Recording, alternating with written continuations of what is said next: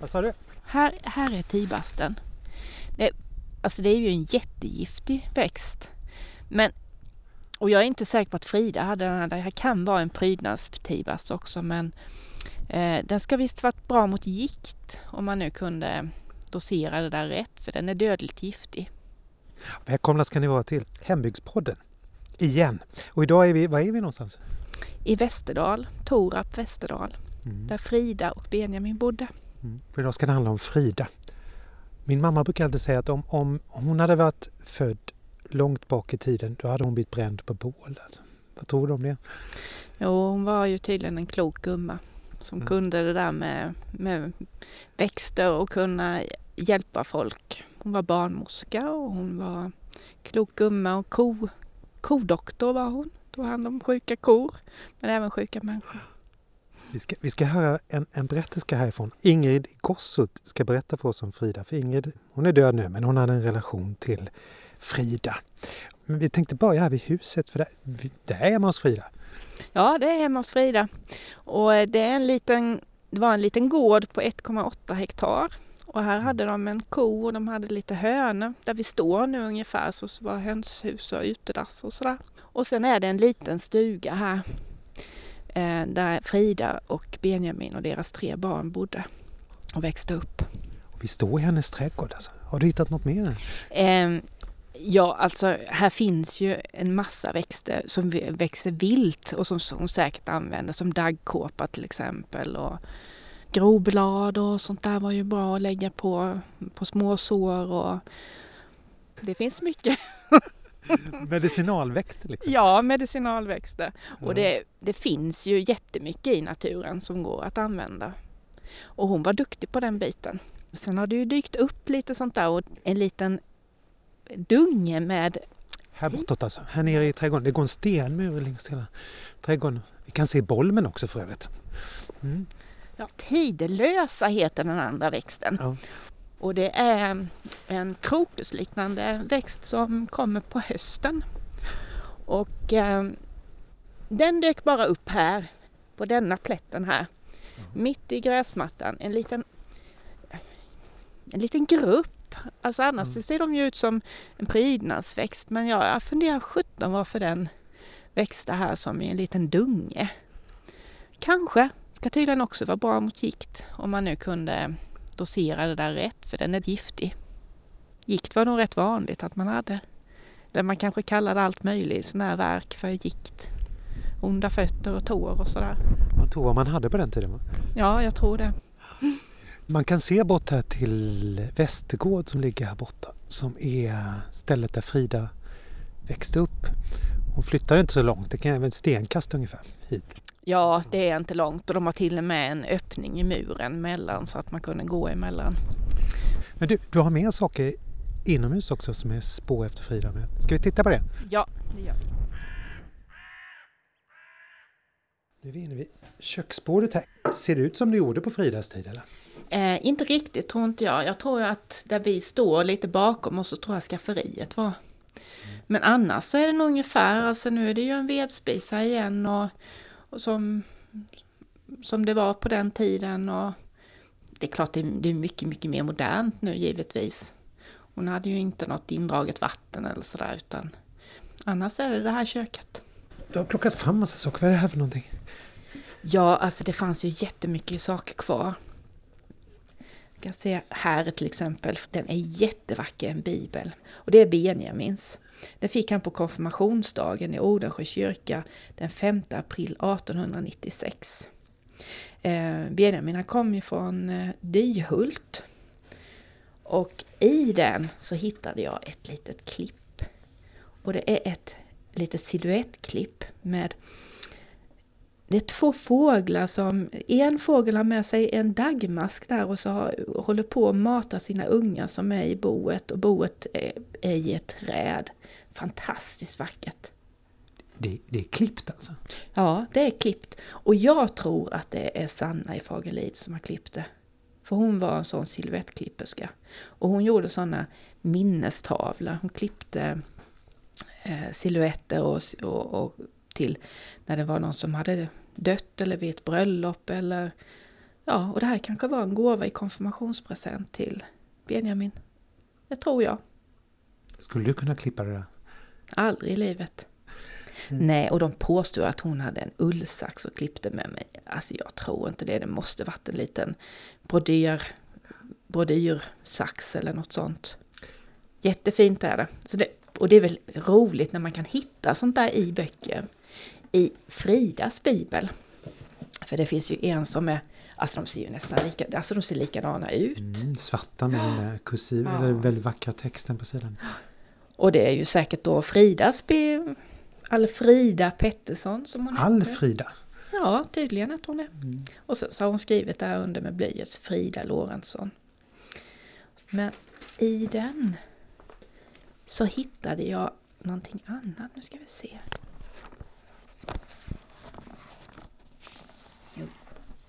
En blomma. Förstås. Ja.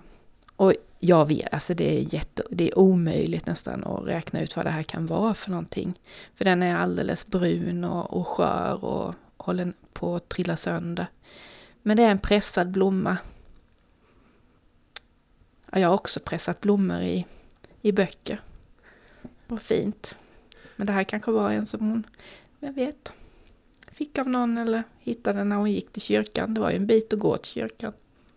Man gick till kyrkan alltså? Ja, det gjorde de ju. Och säkert varje söndag.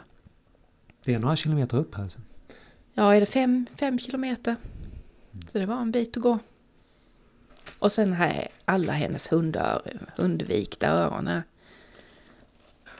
Sånt man får lära sig att man inte ska göra utan man ska ha en, ett litet bokmärke istället. Det var ställen hon ville läsa om kanske? Ja, det var det säkert. Nu ska vi lyssna på någon som verkligen kände Frida och har träffat henne och, och var mycket i det här köket när hon var barn. Ingrid Gossut. En mycket duktig berätterska som dog för några år sedan men som här berättar om just Frida och hennes minnen av Frida. Och det här är faktiskt hämtat från en CD-skiva som finns om ni vill ha den hos Hembygdsföreningen i Odensjö. Ni hittar vår hemsida där ni kan, kan gå in och titta efter mer information. Men, men det här är en av många berättelser som, som Ingrid lämnade efter sig. Alltså om Frida i Torp.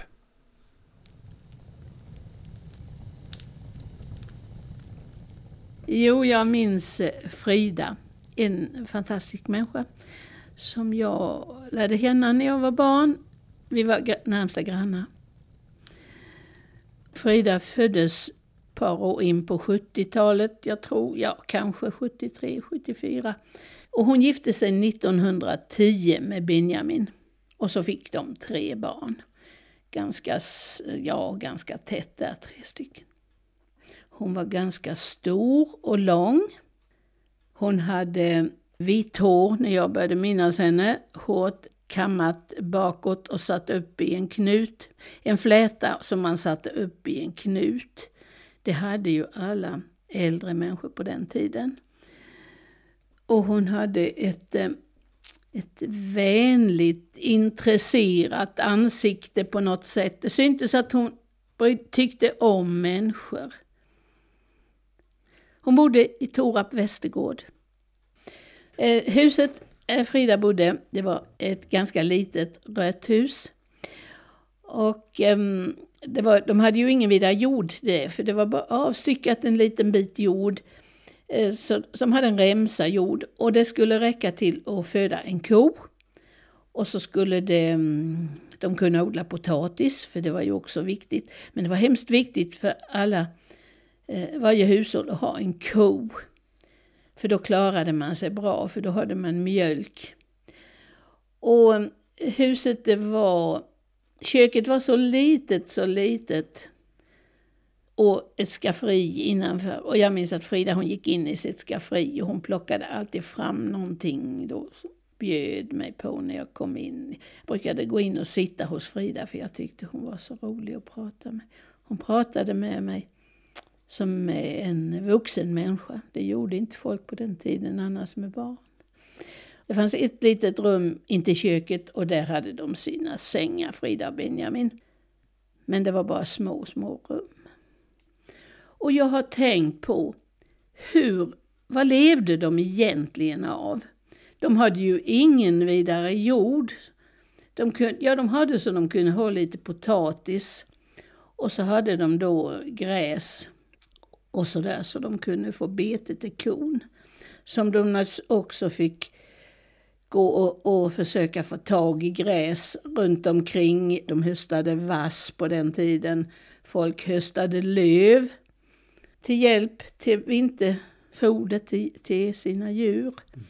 För de hade ju liksom, vad levde de på? Benjamin han var sågverksarbetare, tror jag mesta delen av sitt liv. Men hur mycket tjänade en sågverksarbetare där på början på 1900-talet? Men Frida hon var en fantastisk människa. Hon hade ju redan som ung börjat att eh, gå till sin morbror Linus i Hylte som var en välkänd kodoktor och även, jag tror han gjorde mediciner till människor också. Frida var intresserad utav allt sånt där, utav naturmediciner och utav natur och utav växter. Så hon lärde sig mycket utav honom. Att koka ihop olika brygder och röra ihop salver. Och, så hon började med också att gå bort och vara så gott som sjuksköterska, barnmorska. Ja, hon, hon kunde hjälpa folk med allt. Och sen kunde hon också kurera deras kreatur. Så hon var något mellan veterinär och, och människodoktor. Och hon gjorde naturligtvis detta för att, också för att hon var tvungen. Hon måste tjäna lite pengar hon också. De kunde inte bara leva på, på Benjamins lilla eh, lön. Men hon gick bort och gjorde dagsverke på, på alla sätt. Men mycket när det var människor som var sjuka hjälpte till. För på den tiden så låg ju folk hemma och dog. Hon hjälpte till då att sköta de som låg, som var sjuka. Och hjälpte till när folk dog och klädde liken och hjälpte till med begravningen. Alltså hon kunde även laga mat och sånt. Klädde liken? Ja, klädde liken. Ja, men det var det, vet du. Det var inte som nu att man ringde till en, en begravningsbyrå att de skulle komma och göra iordning liken. Utan när någon människa hade dött så då hade många gamla människor, de hade under sina år då när de började känna sig att de var gamla, de skaffade sig kanske kvinnorna ett vitt nattlinne, så fint som de aldrig använde själva, kanske med spetsar och sånt där på. Bomull, stort bomullsnattlinne men då med lite spetsar eller brodyr på. Som lades i en byrålåda och det skulle vara deras likklädsel. Och männen, de skulle ju ha vit skjorta och jag vet inte så noga eh, om de hade, skulle kläs på i kostym. Om det var så i, vår, i den bygden, det är det ju på en del håll. Men då när hon hade dött, då var det det. Då skulle man ju tvätta den döda, göra janing och kamma och göra fint. Och så klä på den här eh, nya fina nattlinnet som de aldrig hade nämnts att använda i livet. Och sen så, de som hade stort hus så skulle det i salen då, i finrummet, gjordes det i ordning till likvaka. Och där eh, hängdes det upp lakan för fönstren, det skulle vara täckt. Och så tog de in björkar eller granar eller vad det var för en tid på året. Då så att det skulle lukta lite friskt. Och sen så lades den döda på ett um, ett sofflock eller någonting och låg lik där till begravningen. Och så under tiden så fanns där en snickare som gjorde en kista. Och det hade vi också en här i trakten som hette Aron i Östergård. Öst, Torap Östergård, det var den andra delen utav Toraps by. Och han höll på det i många år och tillverkade kistor till alla som dog i trakten. Och sen då när det var tid på begravning så la de ju den död i kistan och så var det ju väldigt mycket ritualer kring det här, begravningen och och de som hade litet hus, som ju många som var fattiga, de hade ju bara ett, ett par rum och där kunde de ju inte ha någon död liggande. Då fick det vara ute på, i uthuset på logen eller någonstans gjorde de i ordning då med granar och sånt där omkring. Så där låg liket tills begravningen. Länge? Ja, det kunde ju ta en vecka och två veckor, men inte längre. Det, var, gick, det är inte som nu att det tar veckovis på, innan man får begrava folk. Men det är klart, var det sommartid så kunde det ju bli för länge i alla fall, så det började lukta. Men jag minns min mormors, när hon hade dött. Hon, vi gjorde i ordning vagnporten där hemma. Det var i november, så det var inte farligt, det var ju kallt. Och där låg hon nog ett par veckor tror jag. Och, och, men hon var, låg redan i kistan, för det var så sent som 1940 och då hade man börjat köpa kistor. Då var det inte någon som tillverkade dem hemma. Utan hon låg i kistan och så var det de, hade de visning då för folk som ville komma och titta på den döda. Så rätt vad det var så eh, kom det någon som skulle in och titta på, på min mormor. Och då öppnade de locket i kistan och så stod de där och tog adjö då. Hade kanske med sig en liten blomma eller någonting. Och det värsta var det att jag som var tio år och inte ville se min döda mormor, de tvingade mig till att gå med och titta på mormor. Jag ville minnas min mormor som levande för jag tyckte så mycket om henne. Men jag ville inte se henne död. Och jag fick vara med ett par gånger och det var november och mörkt. Och ja, det, det, var, det var någonting som jag mindes hela tiden så länge jag bodde hemma. När jag kom och cyklade på kvällarna hem, för det gjorde man ju också alltid om man hade varit någonstans. Så när jag kom där, cyklade förbi, det var precis vid infarten när vi körde. Där mindes jag hur min mormor, jag var inte rädd för henne men jag hade denna obehagliga känsla. Så så var det. Och detta var Frida. Hon var specialist på allt detta kring begravningar. Och sen likadant var hon nästan barnmorska. Det var väl, fanns väl, började väl finnas kanske på 30-40-tal så fanns det väl en barnmorska som de kunde komma, som de fick, kunde örna innan att hon skulle komma och hjälpa till vid födseln. För nästan alla föddes ju hemma och ändå tidigare alltså. Jag föddes ju 30 men jag föddes på BB men men när man tänker sig de första åren på 1900-talet så fanns det ju inte några BB och inte någon barnmorska heller kanske. Då var det Frida de ropade på. Och hon kom dit och hon kunde förlösa barn och hon hjälpte dem. Sen kunde hon då stanna där några dagar och hjälpa till med allt som behövdes. Hon gick bort och hjälpte folk i alla lägen kan man säga. Och även då andra som gamla som sjuka som låg hemma. De måste ju någon gång tvätta dem, sköta dem. Och det gick hon och gjorde. Och så samtidigt då så hade hon mediciner för det mesta.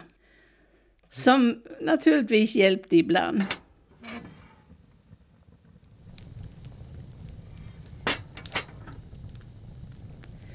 De kokte ju bäck, eh, Linus och hon. De kokte ihop bäck, kallades det. Och det var ju, eh, det såg ut som kära eller någonting. Jag tror det var träkära, kanske något flott isterflott eller talg, sånt som när man slaktar gris eller, eller nötdjur. Antingen fick man ju talg eller ister där. Och sen var det lite mystiska ämnen de blandade i, såna här äh, örter och sånt. Men det var berömt, Linus bäck. Och fick man en, ja, en sticka eller någonting i fingret och den det inte ville läka sen, det inte ville komma ut Sådär, så la man på ett omslag med sådant, eh, det här svarta bäcket på och så virade om och så drog det ut på något sätt.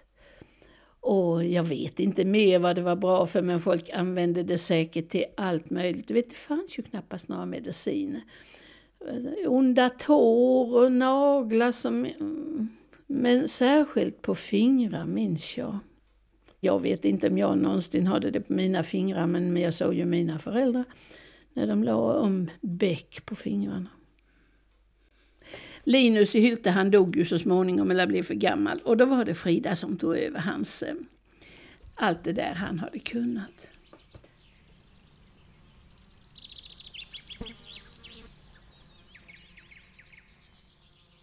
Ja, sen hade hon ju också ett yrke till. Som, mm, det var ju mer då på tidigt 1900-tal. Hon var strykerska. För det var ju, då hade ju männen, de hade ju inte sådana skjortor som, som det är nu på moderna, utan de hade lösa framstycken som de satte på skjortan och det kunde de faktiskt, som, och så manschetter. Och de kunde sätta det på vardagskläderna utanpå gamla smutsiga kläder för tvätta sig, det var ju inte så vanligt.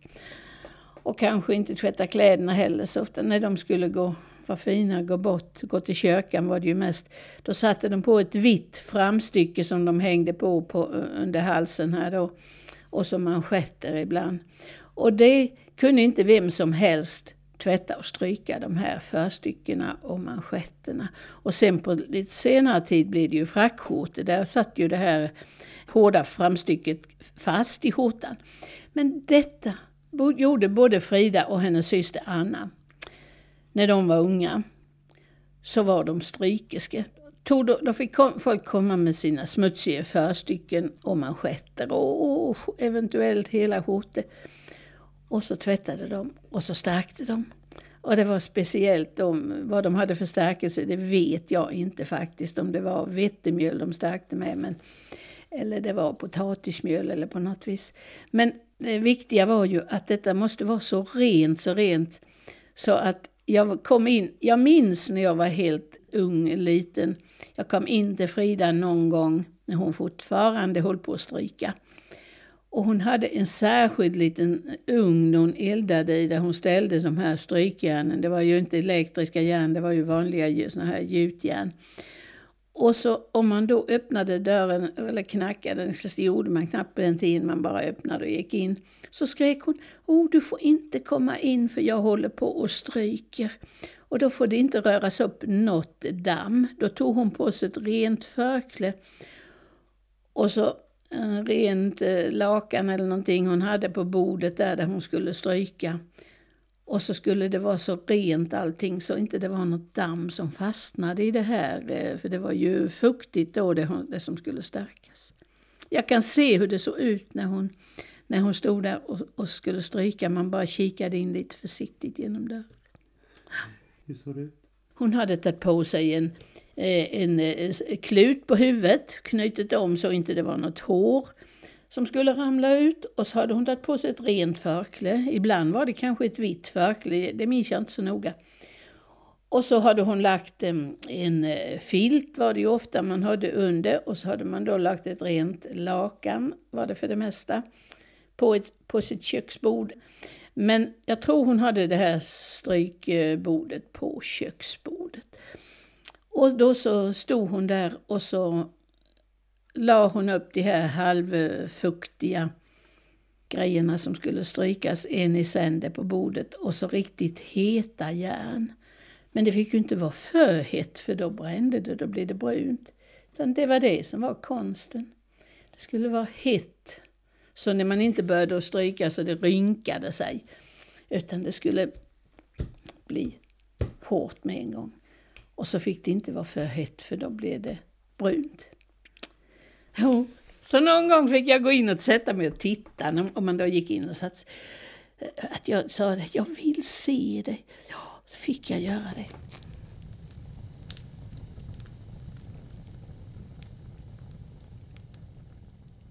Jag börjar ju minnas henne kanske från 35. Man var liten och man gick in till Frida och fick sitta där i hennes lilla kök. Och, och hon pratade med en som med en vuxen. Det gjorde ju inte folk på den tiden med barn. Och sen när det var vår och sommar så tog hon en med ut i trädgården och visade alla sina växter.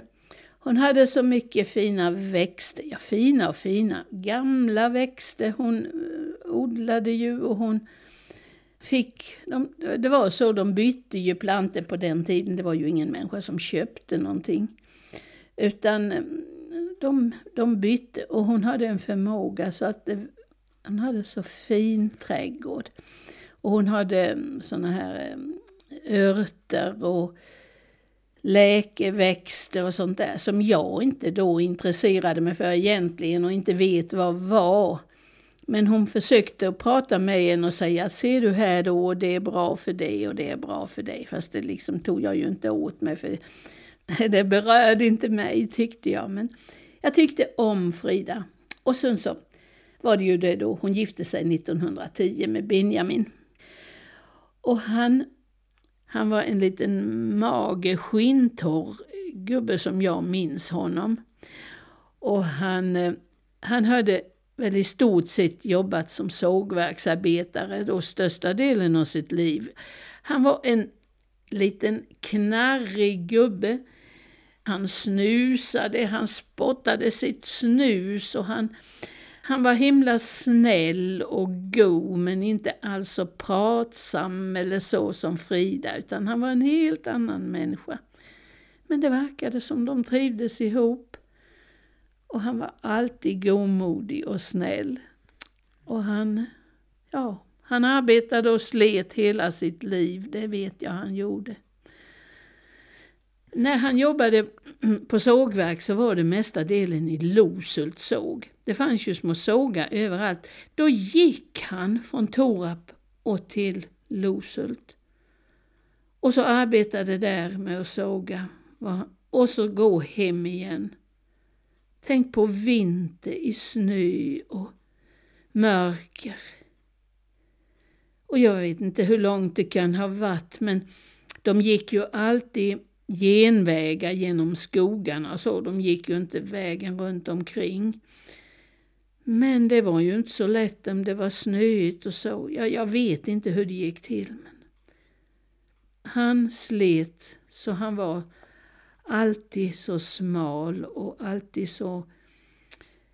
Ja, fast han, han var alltid på gott humör och det var precis som att det var naturligt att man skulle slita på den tiden. Det var ingen människa som tänkte sig att livet skulle vara lätt, tror jag. Och sen så småningom så minns jag att sen hade han en cykel. Och då var det ju minst 35-40-tal. Då hade det ju blivit vanligare. Och folk fick det ju lite bättre. Jag vet inte hur det kom sig men då, om man säger första krigstiden där 1914 till 18 då var, hade de det ju jättesvårt. Det var ju bara att de överlevde. Men jag kan se honom med sin, han hade en svart eh, herrcykel, en sån där riktig gammaldags. Och det var ju ett stort framsteg naturligtvis när man kunde skaffa en cykel.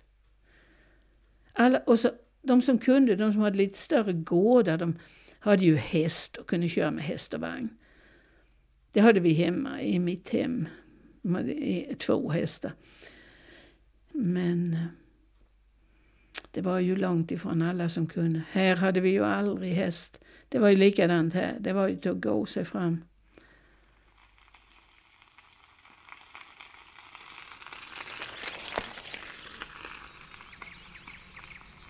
De, och så hade de då det här lilla jordbruket. De hade sin ko och så hade hon rätt mycket höns.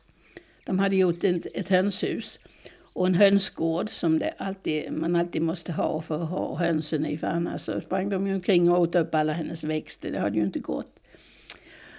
Men sen kommer jag till det mest fantastiska de gjorde. Det var det att 1923 då dog, som jag säger, hennes syster som bodde i nästa hus där. Och Aron, Klara och Aron, de dog bägge där. Då fanns det tre barn. 16, 14 och, och kanske 10 eller 11 år. Som stod precis ensamma. Och de hade ju, det var ju ett lite större jordbruk. För Frida och Benjamins, det var ju bara en liten, liten smal remsa jord. Men det andra var ju ett jordbruk. Då tog de över det här, hjälpte de här unga människorna så de kunde behålla sitt hem. De hjälpte till med djuren och Benjamin brukade jorden. Ja, de helt enkelt skötte deras lilla gård tills ungarna blev så stora så att de själva kunde och de fick ju klart hjälpa till, för det fick ju alla barn vid den tiden. De hjälptes ju åt, men jag menar, det var ju tack vare Frida och Benjamin att de kunde behålla sitt hem. Och Frida och Benjamin hade ju också fått tre barn då vid det laget.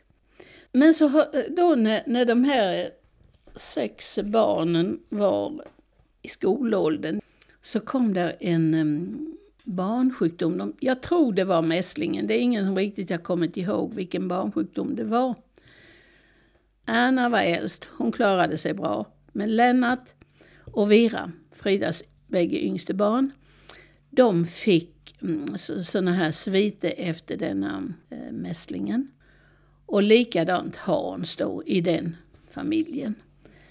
Alla tre de här fick hjärtproblem problem med hjärta och njura sen när de växte upp. Så de var aldrig starka någon av dem.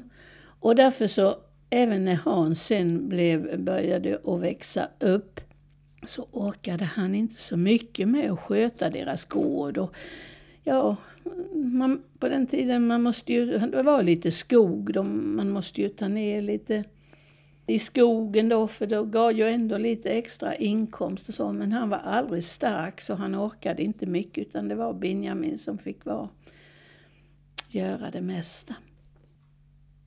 Så jag förstår inte hur det här gick till när Frida gick bort och gjorde dagsverken genom alla åren och var borta och hjälpte alla människor med allt det här jag har sagt. Hon hade ju tre barn. Inte kunde hon ha med sig tre småbarn när hon gick bort. Jag, jag vet inte hur det gick till. Men då stod de där med sex barn kan man säga, som de hade ansvar för. Och denna lilla gården, den var så liten och gav väl så lite avkastning. Så jag, jag vet inte hur de här människorna överlevde, helt enkelt. Men det gjorde de. Det gjorde de. Det gjorde de. Men jag bara vet att Frida var en av de mest fantastiska människor jag vet. Liksom då hennes syster Anna. Men det är liksom en annan historia.